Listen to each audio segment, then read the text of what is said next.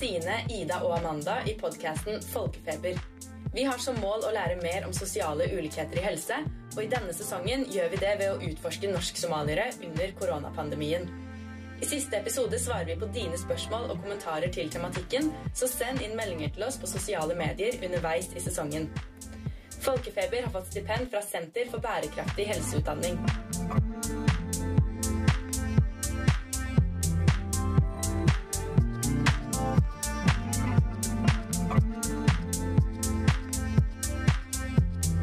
Velkommen til en ny episode med Folkefeber.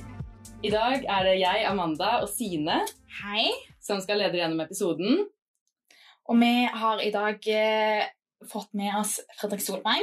Vi skal snakke om medienes rolle i eh, dette her med korona og norsk-somaliere. Ja, fordi vi lurer på hvordan den offentlige debatten under koronapandemien har formet synet og holdningene på norsk-somaliere.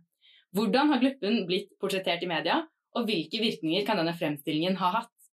Og hvilket ansvar har media for å forhindre stigma? Og som Sine sa, så er vi så utrolig heldige å ha selveste Fredrik Solvang med oss. Velkommen, Fredrik. Tusen takk. Det er en uh, stor ære å få være her. Det er godt å høre. Du har jo lang, lang erfaring som journalist og debattleder. Du har jobbet lenge som politisk journalist i Dagsrevyen og som programleder for Dagsnytt 18 på NRK P2. Og så vant du Gullruten i år for beste programleder. Uh. Gratulerer. Og nå er du programleder for selveste Debatten på NRK. Og vi har lyst til å begynne å spørre deg, fordi debatten ble jo enormt viktig under korona. Da korona ble, det ble kjent at det var en stor krise for Norge. Og du fikk jo en rolle som en veldig viktig person for mange, eh, og viktig kilde for eh, informasjon om korona. Og hvordan var det å plutselig få den rollen?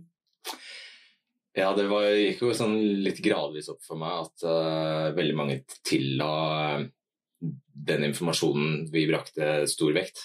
Um, ja, jeg oppdaget det uh, underveis. Hvis spørsmålet er hvordan det var, ja, det ble jo bare litt mer uh, ansvarstungt og, og um, jeg skjønte jo også det, det, det, at det var fryktelig viktig å balansere objektiv og sannferdig in, informasjon eh, med altså, Journalistikken skulle jo fremdeles være kritisk, men den kunne ikke være skremmende. Det skjønte jeg jo ganske raskt, at den kunne ikke skremme vannet av deg. For da mm. Eh, for, eh, for, Fordi alle var veldig på tå hev.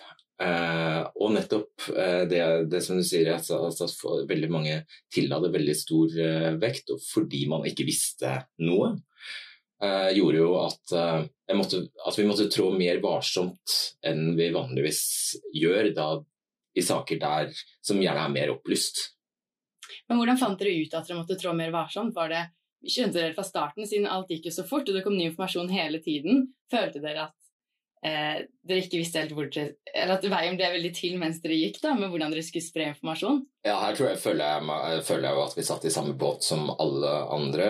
Eh, det som var merkbart til å begynne med, var jo at myndighetene vi måtte mer eller mindre? Vi var helt prisgitt den informasjonen myndighetene og den kunnskapen myndighetene satt på. Så det ble jo til å begynne med veldig sånn at vi eh, nær sagt Og det var en litt utilfredsstillende situasjon å havne i som journalist også, må jeg si. At man nær sagt bare må stole på det de sier, og, og viderebringe det. Og egentlig ikke har forutsetninger for å stille så mange kritiske spørsmål. Eh, så etter hvert så slapp vi jo gradvis til opponenter. Og det ble jo Vi fikk jo mer kjøtt på beinet og kunne på selvstendig grunnlag også være mer kritiske. Men det, det var da jeg innså og oppdaget noe veldig, det var for så vidt veldig interessant, at det gikk klare grenser for hvor kritiske vi kunne være. Ja. Hvor går de grensene? De går jo sånn cirka ved Gunhild Nyborg, da. Ja, det skjønner jeg. ja, for da fikk du mye kritikk? Ja, da, det er noe av det mm, Det er nok det enkeltprogrammet og det enkeltintervjuet jeg har fått mest tyn for. Helt klart. Hva tenker du i ettertid om det, da? Om hva, hvilken rolle du tok? Jeg står jo fremdeles eh, for at det var riktig å gjøre det. Jeg hadde gjort det annerledes nå. Eh, eh, og det innså jeg veldig tidlig etter at intervjuet var gjort, at vi burde ha dandert det annerledes. At vi burde ha rammet inn forskjellig og sånn. At ikke hun så lenge kunne snakke uimotsagt. Men samtidig, der og da, jeg føler det var jo en klar plan med det.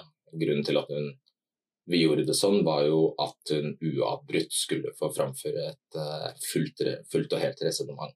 Ble du overraska over det hun sa?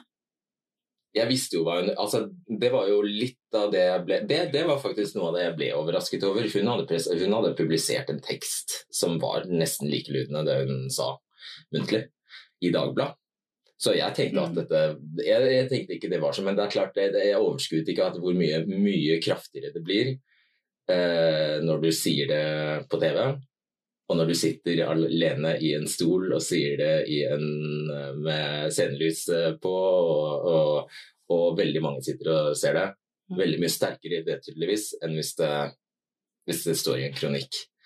Så, det, så jeg, det, Men det var en veldig Jeg lærte jo mye av den.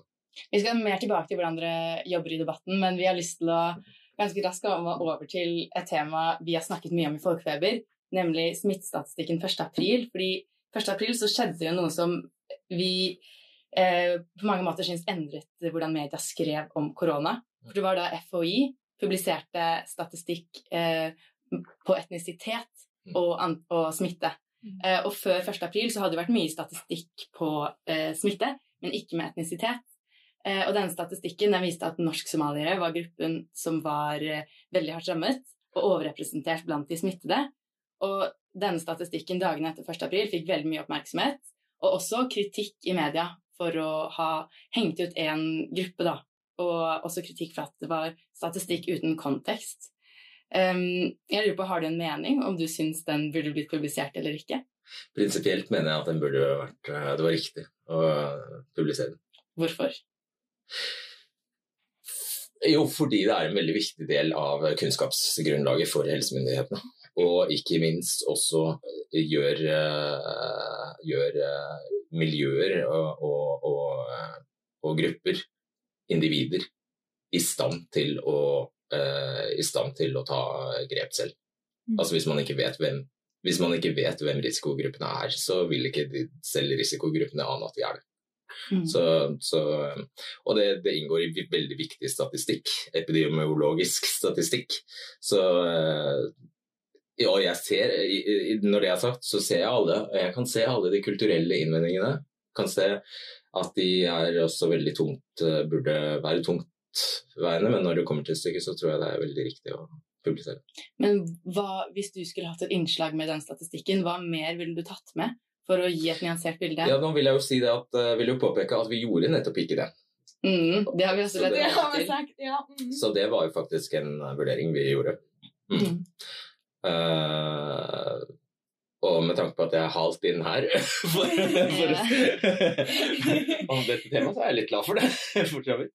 Mm. Det hadde vært veldig vanskelig å lage en sånn sending. Mm. Uh, og jeg er uh, for så vidt uh, glad for at vi ikke gjorde det. Hvis spørsmålet var hvordan vi skulle ha gjort det, mm. oh, ja.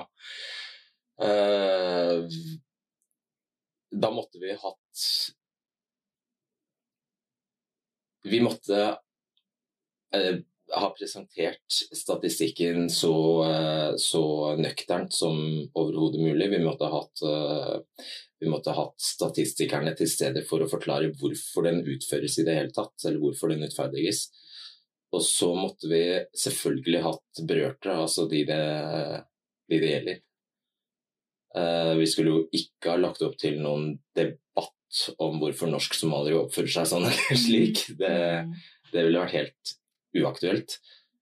Men uh, jeg kan se for meg at hvis vi hadde gjort noe sånt nå, så hadde det vært med den hensikt å, å kanskje avverge en del av de harskeste, sinteste um, utfallene og angrepene. Samtidig som vi drev opplysning. Både overfor befolkningen, men også overfor det somaliske miljøet. Var det sånn at dere vurderte å ha en debatten-episode om det? Vi vurderte om vi skulle huske jeg, Det begynner å bli en stund siden. Ja, ja. Men jeg husker vi vurderte Ja, det var jo eh, det ville vært naturlig Ja, vi vurderte om vi skulle Ikke om, spesielt om somaliere, men om, eh, om eh, dette med minoritets... At smitten var så mye eh, Altså at det var så mye mer smitte i minoritetsmiljøer. Hva var det som gjorde at dere ikke, eller at dere valgte å ikke ha det med, da? Ja, Nå husker jeg, det, Ja, dette, jeg altså, jeg husker ikke i detalj, men jeg husker også det, Dette er helt generelt så ubehagelige temaer så at vi går Mm. mange runder før vi gjør det. Og hvis vi gjør det, så vet vi stort sett uh, nøyaktig Mm. hva vi gjør. Mm. Så, så det er klart, i utgangspunktet så er det bare noe man kvier seg for å ikke gjøre. Ikke fordi, man er, ikke fordi vi er redde, men fordi det er så lett å trå feil. Har du gjort det før? Har du hatt en, Oh, ja, ja, men spesielt i Dagsnytt 18, der må man jo, sant, fordi det er så mange flere debatter, så, eh, så eh, er det uunngåelig at eh, man avholder debatter der som eh, der man gjerne tråkker inn litt i baret, og der eh, som bare det er, det er mange som har grunn til å være sinte på, da. Altså, Eller ja. Jeg vet ikke helt hvordan jeg skal si det. Det, det har skjedd ofte. Ja. Og her, i, i, på, det, på det området her så har jo folk piggene ute, og det er så mange Det er så lett å det er så lett å trå feil, det er så lett å krenke, det er så lett å Men tror du, sånn som dette temaet, at det er mye viktig informasjon som ikke kommer ut? Fordi man, sånn som du sier, er redd for å trå feil, så man velger å bare ta litt avstand for det og heller snakke om landbruk og korona, eller sånn tror gjorde andre april. ja, ja. Var det det vi snakket om? Andre april, det var det. Landbruk. Mm. ja. Uh, ja. Men det, det er ikke bare noe jeg tror, jeg vet det er sånn. Mm. Mm. Og dette gjelder ikke vår redaksjon spesielt, NRK spesielt, men eh, alt om det. Men hva kan man gjøre da for at uh, den type temaer, som er kjempeviktig å adressere, kommer ut? Ja, hadde jeg hatt svaret på det, så hadde jo eh, Da hadde vi løst liksom eh, de største samfunnsproblemene, noen av de største samfunnsproblemene vi lever med. Eh, fordi noe av problemet som jeg kan Bare for å snakke for, for oss selv, da. Vi skal jo selvfølgelig fange opp eksisterende og nærværende aktuelle politiske debatter. Og hvis de finnes i f.eks. på Resett eller dokument.no, så finnes de. Eh, Og det betyr ofte, ikke alltid, men ofte at det er eh, problematikk og temaer som mange er opptatt av. Og vi vet også at de kan påvirke valg, selvfølgelig. Så det er kjempeviktig å, å ta det på eh, Ta disse perspektivene og disse eh, de holdningene på, på alvor så er problemet når du skal løfte det inn i det de ynder, disse, de, de nettsidene jeg nevnte nå, som de ynder å kalle mainstream media. Når vi skal løfte det inn der, så må vi ta så mange flere hensyn. Eh, vi, ikke, vi må jo da bare sørge for å gjøre det på en måte som ikke blir på eh, utelukkende noens premisser. Og vi må sørge for at ikke noen etter å ha sett en debattensending f.eks. bare får det verre. Men tenker du da på NRK fordi dere er eh, nasjonal kanal og Jeg dere tenker vi har et eget ansvar? ansvar. Et Mm. eget ansvar. Mm. Mm. Vi finansieres f.eks. av norsk-somaliske skattebetalere. Så, så det er klart, eh, ja selvfølgelig, men vi har også et helt spesielt mandat i, i NRK-plakaten. Mm. Så, så, eh, men også anstendighet, ren, ren og skjær anstendighet, tilsier Mm. at man må ta disse hensynene. Utfallet blir ofte enten at man viker unna temaene, eller at man trår så varsomt at det blir helt ullent og dvaskt og, og kjedelig. Så jeg har ikke noe svar på det, men jeg, jeg vil påstå at vår redaksjon kanskje har vært tøffere enn veldig mange andre.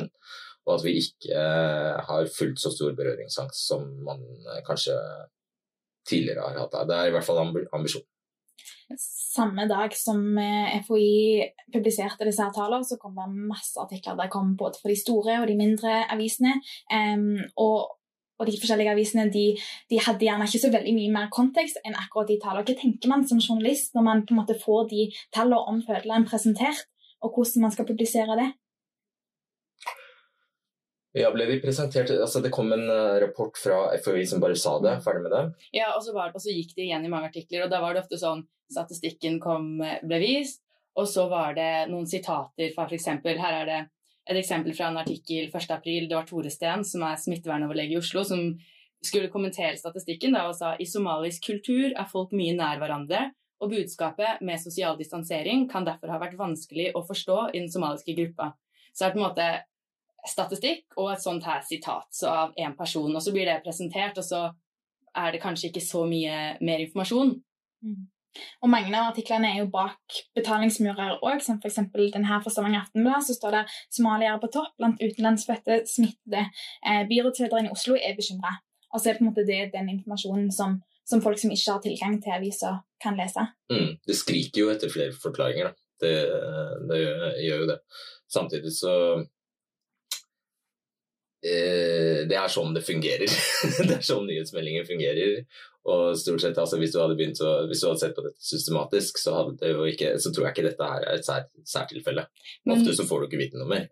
Men hva slags inntrykk tror du folk får av norskmalere når de leser uh, disse tekstene? Nei, Jeg tror veldig mange dessverre bare får bekreftet uh, det de trodde de visste. Mm. Trangboddhet og hvis, hvis uh, antydningen her fra smittevernoverlegen mm. er at de er han nevner somalisk kultur. Kultur, kulturelt mm. disponert for å ikke forstå at de må holde avstand til hverandre, så er jo det en eh, Hvis man tenker over det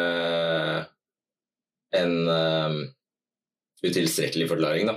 Mm. Mm. Men ja, nei, hva skal jeg tenke om det? Ja, det er jeg ser, jeg ser, hvis, hvis, deres poeng er at, at det mangler veldig mye her, ja.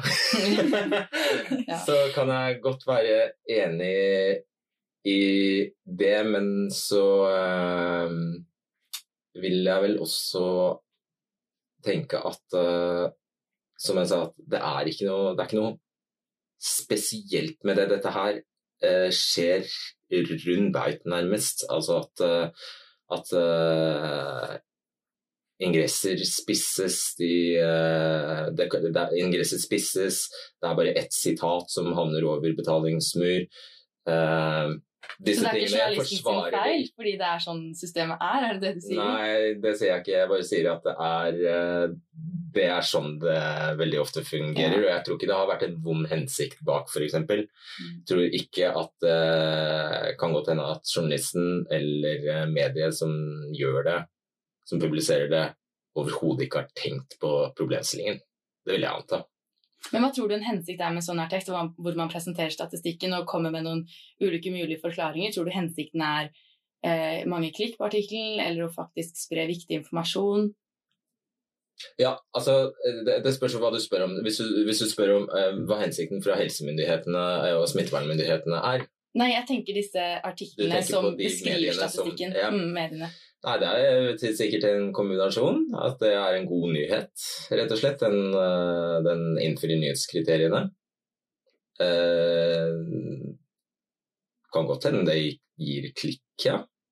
Og så er det jo bare veldig vanlig at man hekter på et sitat. altså hvis eh, en sånn, Det ville vært en større forsømmelse å bare slippe det, den, de tallene ut, ut, eh, ut, i offentligheten. Og så var det ingen som kommenterte det eller prøvde å gi en tilnærme, eller komme med, med noe som lignet en forklaring. Det hadde vært verre.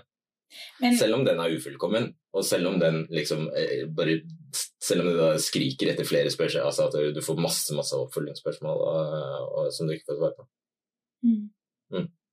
Men en ting jeg også har på, eller tenkt over ved disse artiklene, er at det ofte er statistikk eh, som, som, jo er fakta, som blir presentert sammen med synsing. Og så går det gjennom i artikkelen statistikk, litt synsing, altså et sitat av noen som sier ja, kanskje det er dette som er forklaringen. Eh, og så er det kanskje ikke så lett for en leser, også hvis man gjør som Sine er inne på, leser bare overskriften eller leser en artikkel veldig fort, å forstå hva som er sant, og hva som er, eller hva som er fakta og hva som er synsing. Og hvordan kan man som journalist eh, lage et tydelig skille der? Hvor viktig er det å gjøre det skillet tydelig? Og det er, jeg vet ikke om du skjønner hvor stort det spørsmålet er. For det skillet mellom synsing og fakta når det gjelder uttalelser fra, fra fagfolk f.eks., eller kilder da, i disse i nyhetssaker, er så fin. Det, altså, det skillet der er altså, Det går over. Fagfolk synser i vei over en lav sko.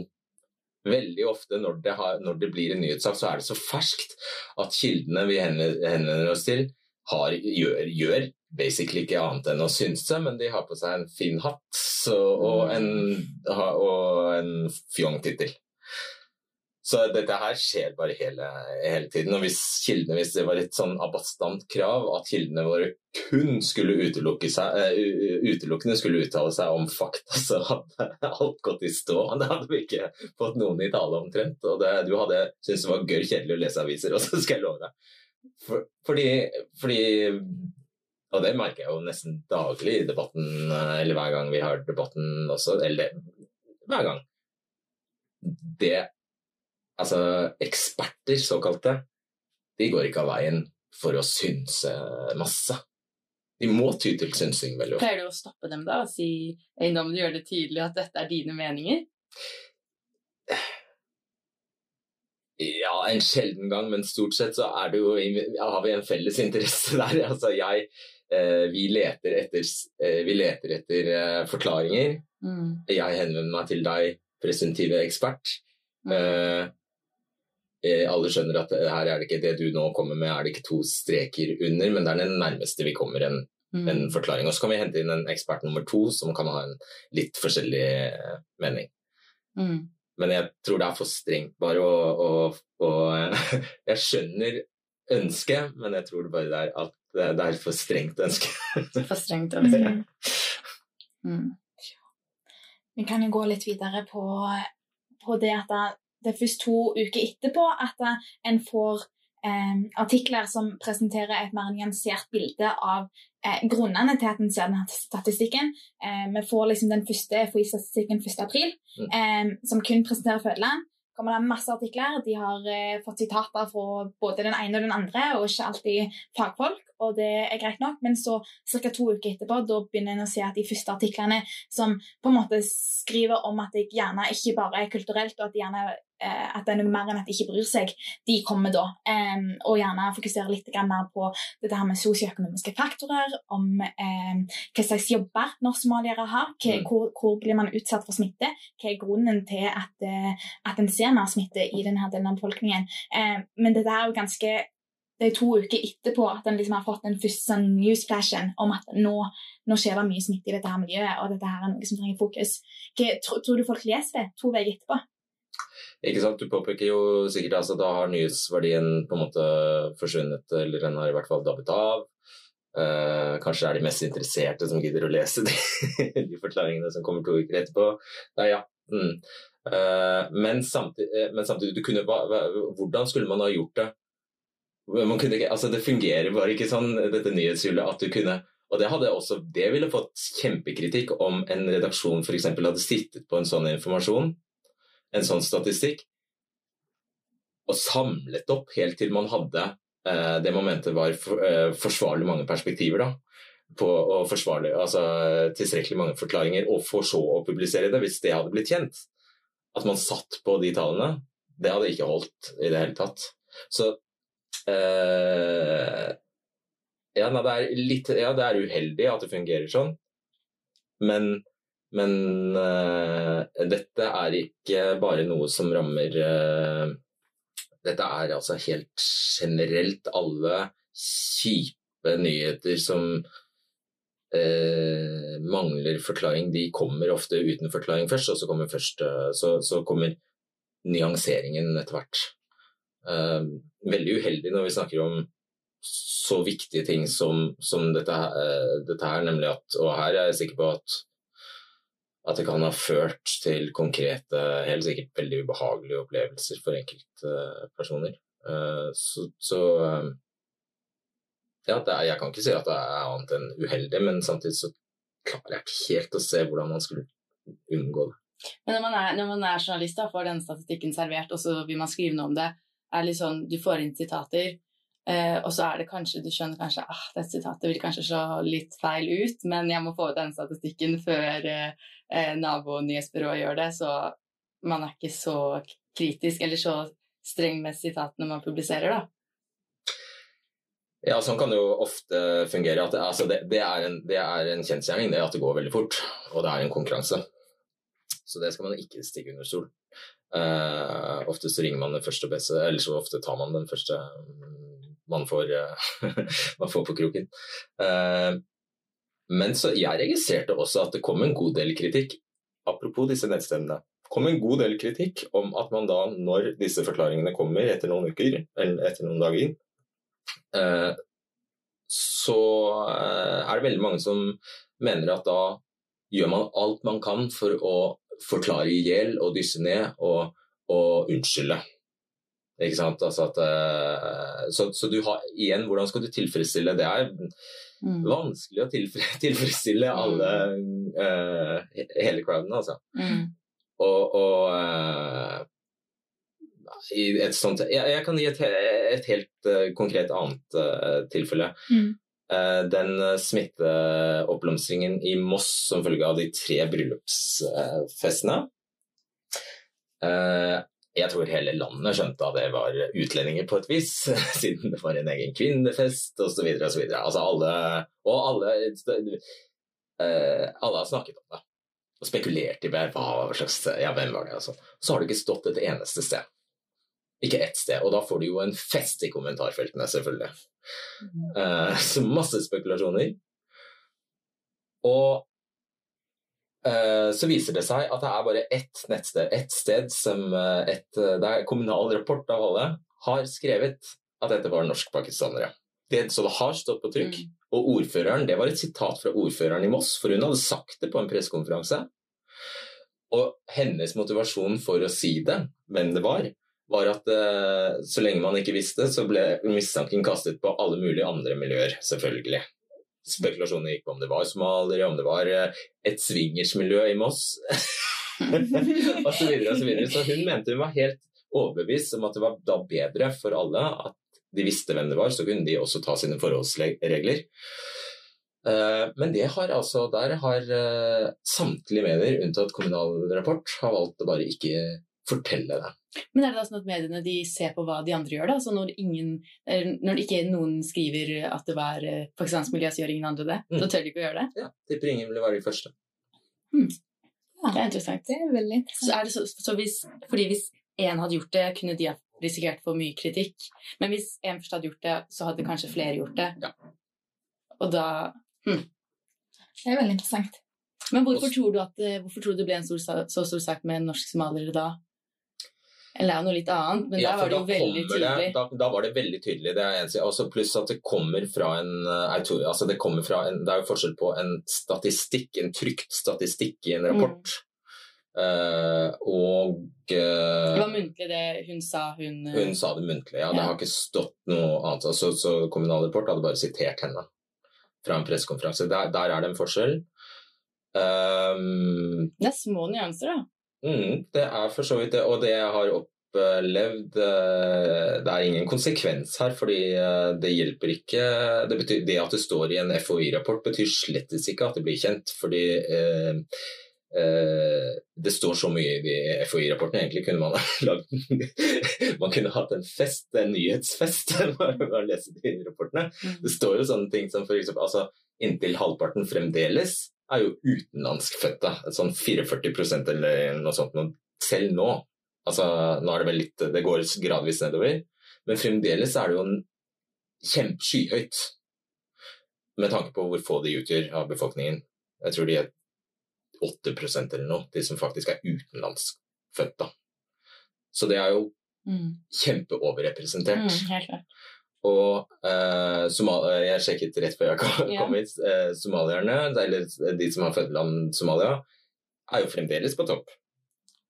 Eh, så, så, statistikken er veldig klar, men hvis det var, hadde vært sånn at mediene bare ville gasse seg i, fremmed, i fremmedfrykt og, og, eh, og, og nøre, opp under, nøre opp under den, da hadde vi hatt nok å skrive om. Men jeg føler ikke at det har vært sånn. Jeg synes, eh, det, det, det jeg sa nå, f.eks., det er ikke allment kjent. Tall er jo vanskelig på den måten, og jeg har ikke lest den siste statistikken om at det er fremdeles, at det er fremdeles er norsk-somaliere som er på topp av smittestatistikken.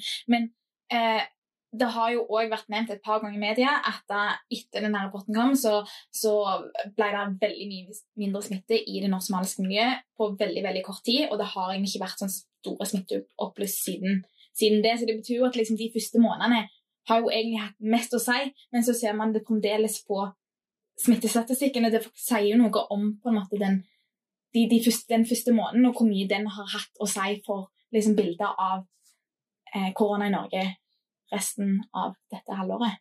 Mm. Men vi snakket jo om at det, uh, du mente det riktig, var riktig å publisere den statistikken om at norske somaliere var så hardt rammet, fordi det er viktig at de kan gjøre grep, og de kan, eller da kan man Eh, eh, senke smitten i den gruppen. Men sånn som nå, da, er det ikke viktig, er det ikke journalistenes ansvar å publisere statistikken eh, som du viser til, om at eh, mange med utenlandsk bakgrunn er smittet? Og når somaliere fortsetter her sammen? Jo, jeg syns det. Men samtidig så eh, Det vil ikke bli en så stor nyhetssak, og jeg vet også at eh, altså, det fungerer så Altså, man vil som journalist i hvert fall ikke eh, presentere noe som blir oppfattet som en gammel nyhet, eller som, eh, ja, som gammelt nytt. Det, det, det, er flaut, så det gjør man i hvert fall ikke. Mm. så det er alle sånne ting. da, altså du, Ja, jeg er enig. altså hadde, Du hadde helt Jeg ser, leser, ser jo det når jeg leser i ukesrapportene til eh, FHI, at det er nyheter der hver eneste gang. Men de er kanskje såpass kneppete, altså de er såpass eh, Andre journalister vil kanskje ha lest det og valgt å ikke lage sak, så det er den kritikken du vil unngå. Eh, ikke sant? At, eh, at eh, fra gjerne andre journalister at hei, hva er det de driver med, lager gamle saker? Nei, det er så flaut, liksom. Det er vanskelig å være journalist, da. Du får kritikk om ja. du lager sak og om du ikke lager sak. Uansett. Skulle blitt lege. Ja. ja. Men, eh, men, eh, hvis det var eh, en annen gruppe da, enn norsk-somaliere som hadde vært hardest rammet på statistikken 1.4, ville man, tror du man ville skrevet annerledes om den statistikken da? Si det var svensker i Norge?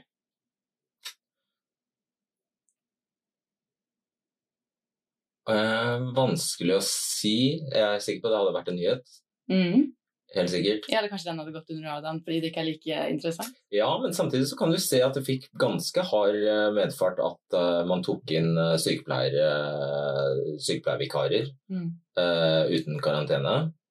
Uh, det var en problemstilling som ble, fikk en del oppmerksomhet. Så hvis, liksom, hvis svenskene hadde tronet opp der så ville jeg tippe at det kanskje kom, hadde kommet krav om stengte grenser. Jeg tror, jo, jeg tror jeg hadde blitt en ganske sak, stor sak, men den hadde ikke hatt ikke sant, alle disse ekle lagene av eh, rasisme og, og uh, fordømmelse på samme vis i seg. Det hadde det jo ikke. Det, det ville vært en mm, forskjell, sikkert. Mm. For tror du det har ført til mer stigmatisering, disse artiklene? Jeg tror ikke det har gjort ting bedre, nei. Nei? Hvordan? for noe Nei, det, det, er jo ganske åpenbart, det. Altså, altså eh, hvis man i utgangspunktet ikke hadde et eh, supert inntrykk av norske somaliere eller somaliere, så eh, gjør det ikke saken bedre at de er uh, potensielle smittebomber. Men, sånn. men, tar man andre hensyn når man skriver om en gruppe som kanskje allerede er marginalisert? Ja, man bør jo det. Men man mm. bør jo samtidig ikke bryte nyhetskriteriene. Man bør jo ikke altså, eh, Man bør jo ikke underslå Jeg er jo helt Hva mener du med nyhetskriteriene? Ja, Nyhetskriterier det er liksom altså, det, det, det, handler om hva Altså, eh, er det nytt? Check. Mm. Mm. Ok. Um, er det relevant for mange? Check.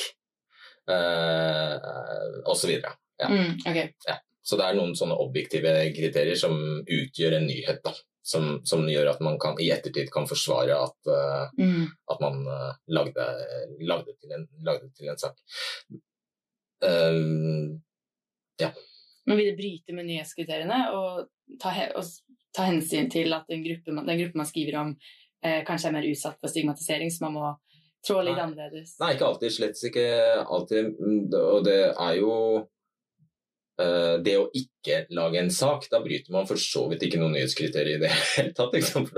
Mm. men, man da, men det, det, det, man da gjør, er å stille seg laglig til for hugg og, og, og utsetter seg selv for kritikk for å ha, være styrt av politisk ideologi eller overbevisning, eller, eh, eller ta andre hensyn som ikke er rent nyhetsmessige. Da. Ikke sant? At man f.eks. har ment at det var Oi, nei, de, den gruppa der uh, er så utsatt uh, fra før, så vi kan ikke bringe en ny dårlig nyhet om dem. Sant? Det, vil, det vil få mye kritikk hvis man gjør noe sånt. Mm. Eh, og det kan ikke en nyhetsredaksjon eller et, nyhetshu, eller en, en, et mediehus på sikt gjøre uten å at det går utover uh, utover renommé. Men jeg tenker ikke bare på om man skal publisere en sak eller ikke, men også når man først har en sak. da. Um, si du skal skrive om en sak når somaliere har høye smittetall, så skulle du skrive om en hypotetisk sak at det er svensker som har de høyeste smittetallene. Uh, hvis du skulle gått inn og lage den reportasjen, hvordan ville du tenkt ulikt pga. Um, stillingen som de ulike gruppene har i samfunnet fra før? Ja, det ville jeg nok. Uh, nettopp fordi at jeg vet det skal veldig litt, mye mindre til. Det er helt andre følelser i sving det er andre fordommer i sving uh, når det gjelder uh, somaliere enn en svensker. Så jeg ville hatt det i bakhodet, men samtidig så ville jeg vært veldig opptatt av at det skulle være sant, og at det skulle uh, være så objektivt og nøkternt som overhodet mulig. Et, et, annet eksempel er, er den største utenlandssmitten, altså den som kommer fra der, har Kosovo og Serbia vært på topp gjennom alle ukene her. Det skyldes hovedsakelig at de eh, antagelig eh, Og dette er jo land som ikke, ikke, har vært røde i det hele tatt, for de har ikke vært på kartet. De er utenfor EU. Eh, så der vet vi det har gått fly til Podgorica og sånn, og det, jeg vet at helsemyndighetene har vært irritert på flyselskapene for det. At, men de har da bare Ja. Så, så der var det eh, Og da Det er heller ikke Det har ikke blitt nyheter. Men hvis det, blitt, hvis det hadde vært eh, en ny eh, Hvis det hadde vært slått opp at eh, liksom eh, Kosovo, eh, Kosovo-albanere, som det helt sikkert er snakk om, da, at, de, liksom, at de, den lille gruppa der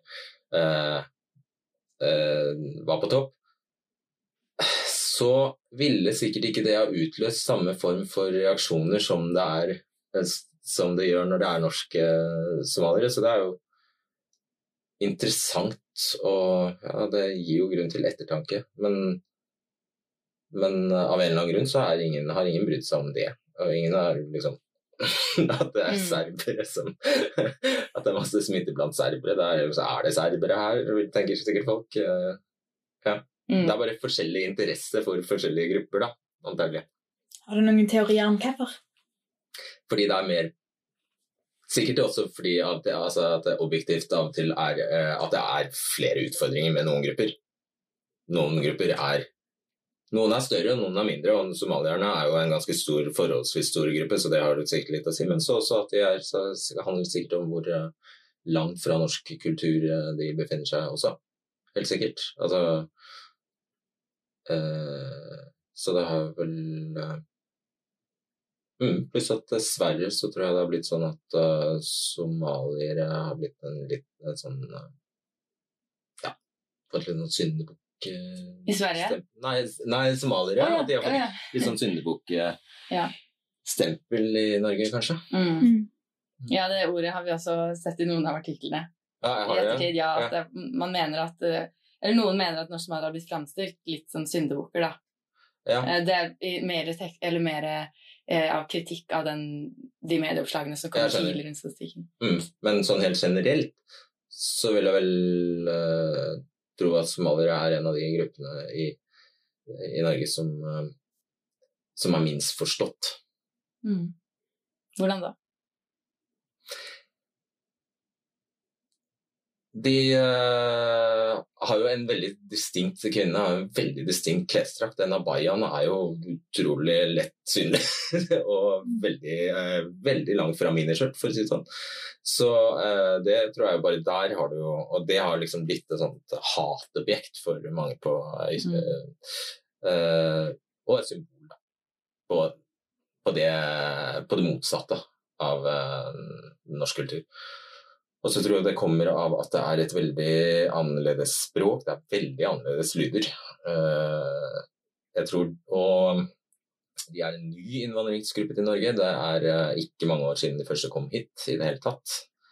Eh, jeg tror også kanskje litt å ha med dette er bare en hunch, men jeg tror lurer på om det, har, eh, det er noe med hvor de har blitt bosatt som ikke har vært helt uh, heldig. Uh, alltid. Men uh, at man ser et skille i Oslo? Nei, nå tenker jeg faktisk på at, um, at Mitt inntrykk er at de er som de fleste andre, andre asylsøkere og flyktninger, er spredt virkelig rundt sånn i hele landet. Mm. Sånn at det liksom, typ, kunne være én somalisk familie i bygda. Og jeg er ikke så sikker på at det alltid er så lurt. mm. Men i Oslo ser man jo at det er noen bydeler som definitivt har eh, flere norsk-somaliere enn andre, f.eks. Gamle Oslo og Søndre Nordstrand, og um, ja, sikkert et par andre bydeler òg. Mm. Um, og jeg tror her at vi gjerne tenker at, at de bor relativt eh, At de bor på samme plass, alle sammen. Men, men tror du, tror du den generelle nordmann har et bilde av norsk-somaliere og deres boforhold og deres liksom, sosioøkonomi og, og de tingene der? Ja, sikker på at eh, folk har uh, antakelser. At den stereotypien handler om at de bor veldig trangt. Eller at de er, uh, går på trygd, at de bor trangt pga. det. Uh, at de ikke jobber. Ja. Kunne dere hatt en debattepisode om norskmalere som misforstått gruppe? Ja, det kunne vi sikkert. Tror du det hadde fungert? Ja, hvis vi bare hadde gjort det. ikke sant? Da, da måtte vi jo ha gjort det virkelig nennsomt. Vi måtte ha, det hadde, åh, Jeg merker tanken på det.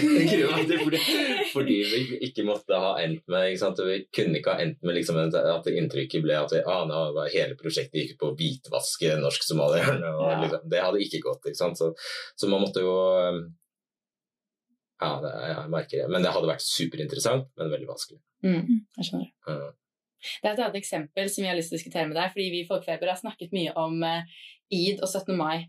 Fordi uh, Noen måneder etter den smittestatistikken var det jo id, og 17. mai det var jo i mai. Uh, og vi har sett på artikler om hvordan de høytidene har blitt omtalt i media. Og ved 17. mai så syns du det var veldig mye positivt om at nordmenn er så flinke som klarer å feire 17. mai på tross av dette, og vi klarer å gjøre det beste ut av det og sånne ting. Um, og vi så ikke egentlig noen, noen, Vi fant ingen artikler på at 17. mai førte til økt smitte, og eksempler på økt smitte pga. det. Uh, mens med id så var det f.eks. en artikkel med overskriften 'Id-feiring lå bak oppblomstring av koronasmitte i Oslo bydel' med et stort virusbilde. Uh, og lenger nede kom det fram at én id-feiring var en av flere årsaker til at det var en liten oppblomstring et sted i Oslo. Uh, men det virket kanskje mer dramatisk, da. Og vi har lurt litt på om eh, det er noen Om vi bare ser eller finner dette fordi vi ser etter det, eller om det faktisk er en forskjell i hvordan norske og muslimske høytider omtales. Du, om, når du sier oss, så snakker du om dere? Ja, vi dere to. Ja. Ja. Eller, og de to andre som lager det. Uh, sikkert bare det. Nei da. Nei, selvfølgelig er det en forskjell. Mm, det er åpenbart. Altså, det, jo en, ble jo et uh, kjemperabalder bare av at NRK uh, hadde en sending om id. Uh, altså en, en TV-sending. Opplevde du mye rabalder rundt det? Nei, men NRK fikk masse kritikk. Det var jo, en, det var jo bunkevis med klager til Kringkastingsrådet fordi Rima Iraki hadde den, lagde en ja, sånn 17. mai-aktig, eller Kvelden for kvelden-aktig sending om om id. Uh, der de lagde mat og greier og sånn. Så ja, det er jo ingen tvil om at uh, 17. mai og id ikke er likestilt, og jul og id er ikke likestilt, og id er noe egentlig eh, eh, som Ja, jeg vil tippe at det selger bedre å skrive negativt om id enn positivt, vil jeg tippe. Eh, og så vil jeg tippe at mange har masse fordommer mot id. Man ikke helt skjønner poenget med faste, at man syns det virker helt uh, ko-ko å sulte seg og så spise på natta. Det, står, det er liksom stikk motsatt av alle ernæringsråd. er liksom, hvordan kan man holde på sånn? Også, og la seg så styre av religion, tror jeg mange tenker. Er jo veldig moderne. Men du virker jo kjempebevisst over disse tingene, og det er sikkert mange journalister som er det. Men eh, nå er det, er det så vanskelig å gjøre noe med? Ja, så blir det jo spørsmål. jeg, er ikke så sikker, altså jeg, vil jo ikke, jeg, jeg, jeg, er jo ikke tilhenger av at man skal skrive negativt om en, uh, om en feiring som i det hele tatt. Åpenbart. Um, og eh, heller ikke sånn overdrevent kritisk. Uh, men samtidig så tror jeg det er viktig at vi eh, ikke Jeg tror ikke det er riktig å sidestille alle religiøse markeringer i et land som eh, Norge. Det er bare ca. ett minutt siden vi eh, kvittet oss med statskirka. Uh, og vi må bare huske at majori altså den, de store majoritetsbefolkningen i Norge er ikke muslimer. Og, så, og det er bare en, det er en kjensgjerning. Så det vil være, jeg, i mitt hode, være en kjempefeil å late som at alle eh, er like godt representert, eller at det er like eh, det, og det er, det er, for så vidt greit å si at alt er like fint. Men å reagere på at det er stor overvekt av markering av kristne høytider f.eks. i et land som Norge, det, er, det er imot. Fordi, mm. fordi da, da, tror jeg bare du ville fått en kjemperekyl og veldig sterke reaksjoner fra de som til og med ikke legger noe religiøst i våre høytider. Men, men den ser jeg veldig, og det trenger jo ikke å være like mange artikler om ID 17. mai, det er ikke det, men eh, det var jo omtrent bare positivt som 17. mai. Også som du nevnte, mm. så kan det hende at negative nyheter om id selger bedre. Mm. Så og det er mer det. det. Jeg tror det er ønsketenkning å tenke at det ikke var noe smitte som var forbundet med 17. mai. Eh, blant de mange eh, tusen feiringene rundt i det ganske land, så må det jo ha vært noen samlinger som har ført til eh, en smitteoppblomstring, eller at det har vært mange eh, i, i, ulike deler, at det har vært en pest eller et eller annet sånt som har gjort at det har vært mye smitte. Mm jeg tror nok sikkert at det er en, uh, mange som uh, gjerne som lik, liker å kunne skrive en sånn sak om at det har vært smitteoppblomstring i forbindelse med. Det skal jeg ikke stikke under sol. Samtidig så er det del av det samme Det er ca. det samme som skjer når det blir en debatt om ikke denne demonstrasjonen mot uh, hva var altså Black Lives Matter mm. Den må jo ha ført til masse smitteoppblomstring og masse saker om det. Så det har ikke bare med religion å gjøre, det har også med politisk sak og politisk side å gjøre. Uh, og, og kanskje ikke jeg skal si noe mer enn det. bare... Hvordan tror du det hadde blitt mottatt hvis det hadde vært en sak eh, altså Hvordan hadde det vært da 17. mai-feiring lå bak oppblomstring av koronasmitte i Oslo bydel? Eh, tror du, hva, hva, tror du man kunne forvente hvis du hadde laget et sånt innslag? Og da tipper jeg at uh, det hadde og ja, litt vanskelig å si. Det hadde kanskje blitt en diskusjon om eh, Kanskje det i ytterste det faktisk kunne blitt en diskusjon om eh, ja, kan, må vi ikke tåle det, da? Eh, er det ikke verdt prisen? Vi må jo kunne mm. feire 17. mai for all Kan vi ikke det, liksom? Kanskje jeg hadde. Ja, mm. muligens. Eller så hadde det faktisk det, det, som er mer sannsynlig, tenker jeg, det er at man kanskje hadde tatt en diskusjon om, om hvordan man egentlig oppførte seg på 17. mai. Altså alkohol vil jeg tippe kunne ha blitt en diskusjon i ly av en sånn mm. sak. Men tror du det hadde blitt mye kritikk mot en sånn type sak? Mot journalisten om at eller, altså, Nei, for det tror jeg bare hadde blitt mottatt som et faktum. At okay, uh, ok, sånn var det. Ja. Og jeg tror veldig mange hadde kjent seg igjen. Hvis det faktisk hadde skjedd, så hadde det ikke vært noe rart i det hele tatt. Nei, Nei, jeg skjønner. Mm. En annen ting vi har snakket mye om i Folkefeber, er Vi har vært litt inne på det, men det er medias ansvar i alt dette her, og hvor medias ansvar eh, ligger. Eh, knyttet til stigmatisering og, og, skrive om marginaliserte grupper på en måte som ikke bidrar til stigmatisering og sånne ting. Har du noen tanker om det? Snakker du om korona nå, eller generelt? Vi kan ta i forbindelse, ja, begge deler, men vi kan ta i forbindelse med norskmalere og korona. Ja.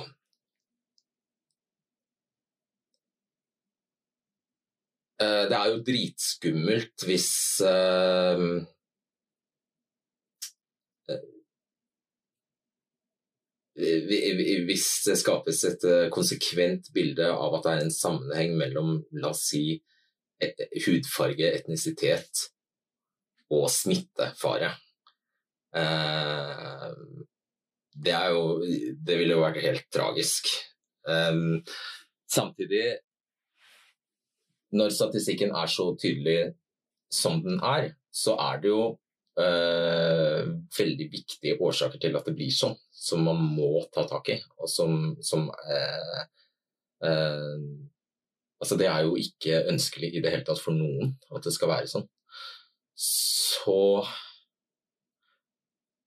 Jeg syns det er vanskelig, fordi jeg tror som sagt på at det informeres om det. Eh, Men på en sånn måte at eh, man får forståelse for at det er eh, mer sosio... At ja, at det finnes sosioøkonomiske forklaringer på det, blant annet. Mm. Men samtidig, hvis det var kulturelle jeg, utelukker ikke at det kan være kulturelle faktorer som gjør at det går tregere inn hos noen enn hos andre. Eh, ikke det at man er treg i huet, men, men at, uh, at det sitter så langt inne f.eks. å holde sosial avstand. Altså noen klemmer hverandre mer enn andre, det, sånn er det bare. Uh, da er det viktig å da er det viktig å få informert de det, de det gjelder. Så er det jo kjempeleit hvis det fører til at vi alle skvetter unna mer og blir mer uh, skeptiske og, og, og alt sånt. Jeg har ikke noe svar på det her. Jeg tror, Mhm. tror bare helt generelt Altså det er jo en veldig Det er en grei led, pek, altså, det er greit hele tiden å uh, ha det i bakhodet at man ikke skal gjøre noe som, som, som man mistenker kan, uh, kan få en irrasjonell konsekvens for, uh, for andre medmennesker. Men tror du journalister føler seg, eh, ofte føler seg ansvarlige for eh, Når de presenterer fakta, eh, at de føler seg ansvarlige for hvordan den faktaen Ja. blir tatt imot? Ja. Hele tiden. Mm. Hele tiden. Hver eneste Ja, hele tiden vet jeg. Har det skjedd med deg? at Det har gått Oi, ja, ja, innover ja, deg? ja, men jeg tenker på dette her tenk, altså dette, dette tenker vi på altså Om det vi sier eller skriver eller gjør, kan eh, kan, oppfatt, kan tas til inntekt for eh, å vris og vendes og, og misforstås. Dette her er jo Dette ligger veldig langt framme i pannebrasken, også. Tror du de gjør det for alle? Altså alle journalister? Ja. Det tror jeg faktisk. Alle ansvarlige journalister. Alle ansvarlige journalister. Sant vel. Mm. Men, men, eh, Men kan jeg bare legge til en ting Ja, der? absolutt. Fordi det, det dere påpeker da, er sikkert eh, For det som samtidig kan skje Jeg tror veldig altså, alle, alle journalister jeg kjenner er samvittighetsfulle, og alle, alle er oppmerksomme på det. Veldig, alle redaksjonene har også egentlig retningslinjer på dette her. Eh, det er til og med skriftlig nedfelt som man skal ta spesielt eh, hensyn og sånn. Eh, Spesielt hensyn til marginalisering. man skal, skal jo sørge for å gi en nøktern, objektiv rapportering. Mm. Altså, altså det, ja, det, er, Ja, okay. det er jo eh, Og man skal jo eh, heller ikke gjøre noe som bidrar til eh, å piske opp, piske opp en hatsk stemning, f.eks. Uh, det er ikke formulert helt sånn, men. Eh, men, men eh, det, det dere kanskje påpeker, ja, er at summen av rapportering ofte, hvis en sak får bein å gå på, så skjer jo dette her eh, støtt og stadig at det blir et driv. Og det kan, eh, det kan gå mot enkeltpersoner, og det kan gå mot grupper. Og da er det veldig ofte ikke sånn at en enkeltjournalist er å holde, holde sånn, at det er riktig å holde en enkeltjournalist ansvarlig, eller en redaksjon, men det er liksom bare trykket og det samlede inntrykket som skapes, som er eh, skyldig. Og det der er en evig eh, diskusjon og problematikk, hvordan man skal justere det, eller eh, om det er noe mulig å gjøre noe med i det hele tatt. For det, det, det kjenner jo stadig det, Vi havner jo til stadighet i diskusjoner om medietrykk, ikke sant? Mm. som bare er en sånn uformelig størrelse. som, mm. Hvor bevisste over disse tingene er dere i debatten når dere planlegger episoder? Har dere sånne her diskusjoner? Det, det har vi. Og vi, vi er veldig bevisst at vi både kan sette, bidra til å forsterke noe, eh, men også sette i gang. Og at eh, eh, Så vi, vi, vi spør oss alltid om vil vi det. Mm. vil vi være de første til å rive av det plasteret der, f.eks. Du nevnte litt om at det jo gjerne kan være noen kulturelle aspekter som har gått inn i dette her, at norsk-somaliere eh, har vært mer rammet av korona. Men, men, føler du at det på noen måte har vist i media at det på en måte kan være forklaringer som sosioøkonomi, som at en har eh, jobb, altså flere norsk-somaliere jobber i taxinæringen eller som renholdere, der det gjerne er mye smitte, at eh, taxisjåførene gjerne kjørte hjem alpeturistene og ble smittet. Altså sånn, føler du at det er noe som media har ansvar for å og skrive om, uten at vi har noe fasit på hva som gjorde at en fikk mer smitte? Ja. Syns Ja. media har ansvar for å skrive om. Men øh, det, som, det jeg tror skjer, er jo at de som er mottagelige for de forklaringene, de lytter, og de som bare basically driter i forklaringa, har gjort seg opp en mening fra før, de bare vender det døve øret til. Så eh, jeg tror du kunne ha tuta et visst segment mennesker fulle av ørene deres fulle av gode forklaringer på hvorfor dette her skjedde, og det hadde ikke gått inn. Sånn tror jeg bare det er. Er det noe vi kan gjøre for at det ikke skal være sånn? Gi oss svaret nå,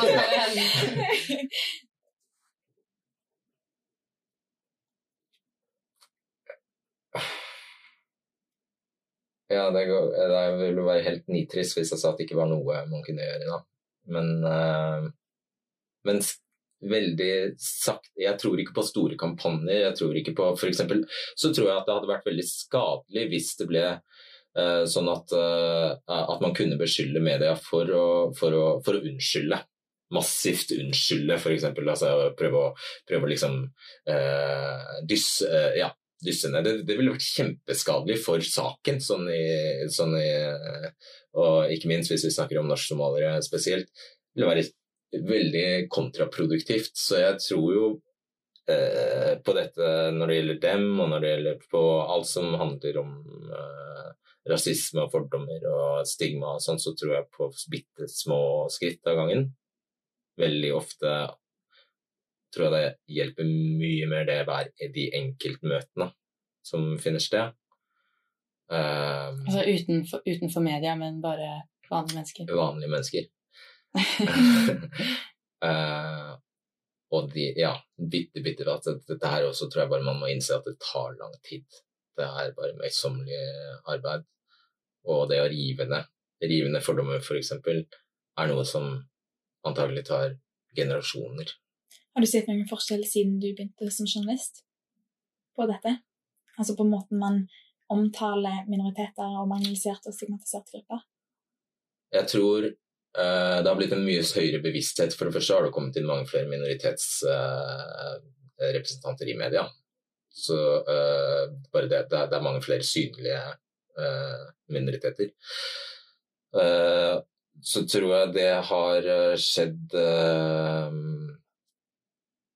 Jeg tror nok det har vært en polarisering, ikke nødvendigvis i eh, redaktørstyrte, mellom redaktørstyrte medier, men det selvfølgelig sosiale medier har oppstått, så der har det skjedd. eh, Det er, det er, det er mye harskere, mye, mye hardere ordbruk ute og går nå enn det var for bare Så det har blitt verre, på en måte. ja, det, akkurat den biten har jo blitt verre. Det er liksom Og et uh, kommentar uh, Facebook-poster løftes ut og blir settes på trykk og blir til artikler.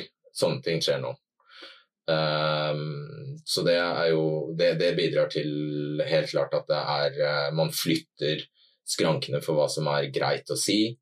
Uh, og mange vil kunne si at det er en ærligere debatt pga. det. Men det gjør også at den er hardere. Uh, samtidig så tror jeg det at i sum så har vi igjen gradvis og, ut, og ganske umerkelig alle blitt mye mer forsont med at vi er et land som består av veldig mange folkegrupper etter hvert.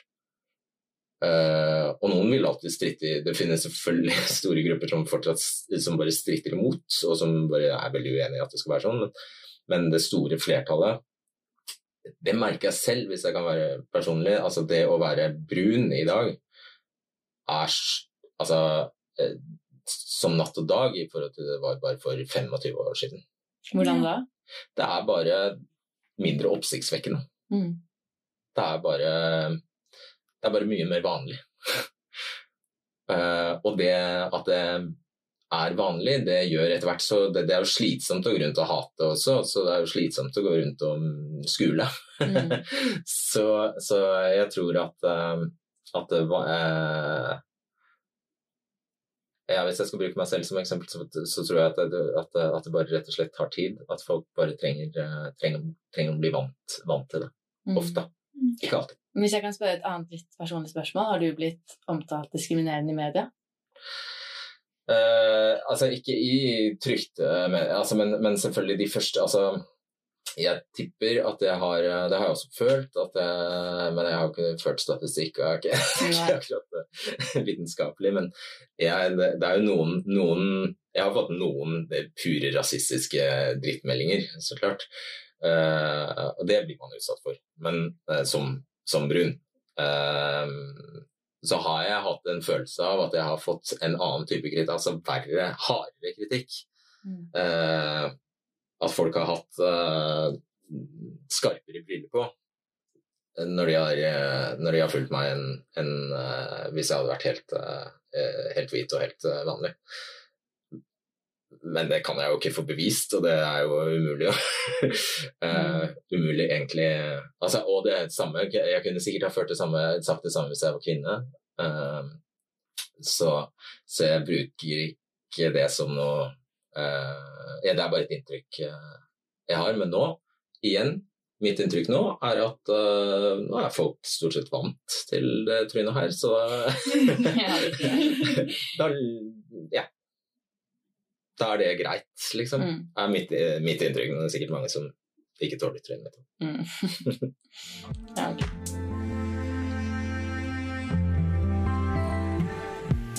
Etter denne samtalen kunne ønske at dere hadde hatt eh, en episode eller innslag om nasjonaler og korona i debatten? Ja, jeg fikk um, Ja. Mm, ble litt nysgjerrig på den, uh, på den uh, ideen, ja. Eh, jeg vet samtidig at vi har stort sett i snitt ett og et halvt døgn å lage disse sendingene på, ja. så jeg ser at det er, ville vært eh, dette ville, dette ville vært et sånt prosjekt som ville ha krevd nøye omtanke eh, og veldig mye veld, veldig mye jobb.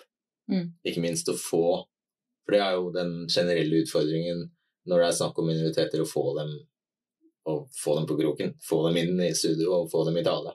Det er alltid vanskelig. Mm. Uh, og for å yte dem rettferdighet i en sånn sammenheng som det her, så måtte vi sikkert ha brukt masse tid på å finne de riktige menneskene. Men, um, men det ja, det er egentlig en god idé. Mm, ja, takk. Spennende. Plutselig om noen uker så kommer det en debattepisode.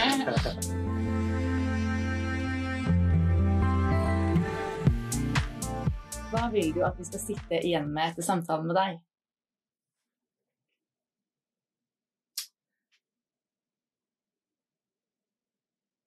Jeg vil at øh, Kanskje at uh, man øh, forstår at ofte så er det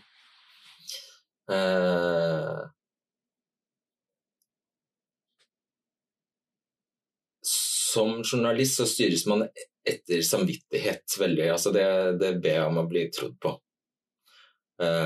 og jeg kjenner bare stort sett Jeg kjenner egentlig bare samvittighetsfulle journalister. Sånn at i den grad at uh, det tyter ut og blir, altså at resultatet blir f.eks.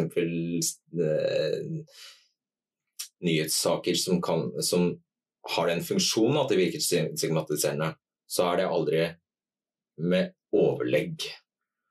Eh, og man setter seg virkelig aldri ned og tenker he-he, nå skal vi, nå skal vi gjøre det verre for somalierne. Det er godt å høre. Ja. Så det er alltid en utilsiktet eh, konsekvens, vil jeg påstå. Og så har jeg prøvd å forklare hvorfor det kan skje. Uh, og at uh, ikke, har ikke sagt at det er prisen man må betale, men uh, jeg har prøvd å forklare at antagelig Jeg tror at det ofte er de samme, bare det det er rett og slett mekanismene som oppstår i en nyhetsredaksjon som fører til at man f.eks. får en dæljer ut en statistikk uten videre forklaring. Mm. Mm. Det er godt svar. Det er godkjent. takk. ja. Tusen takk, Fredrik, for at du ville være med oss i Folkefeber i dag. Mm. Tusen takk for at jeg fikk komme. Det var veldig interessant. Ja, det var en veldig spennende samtale. Ja. Mm. Ja,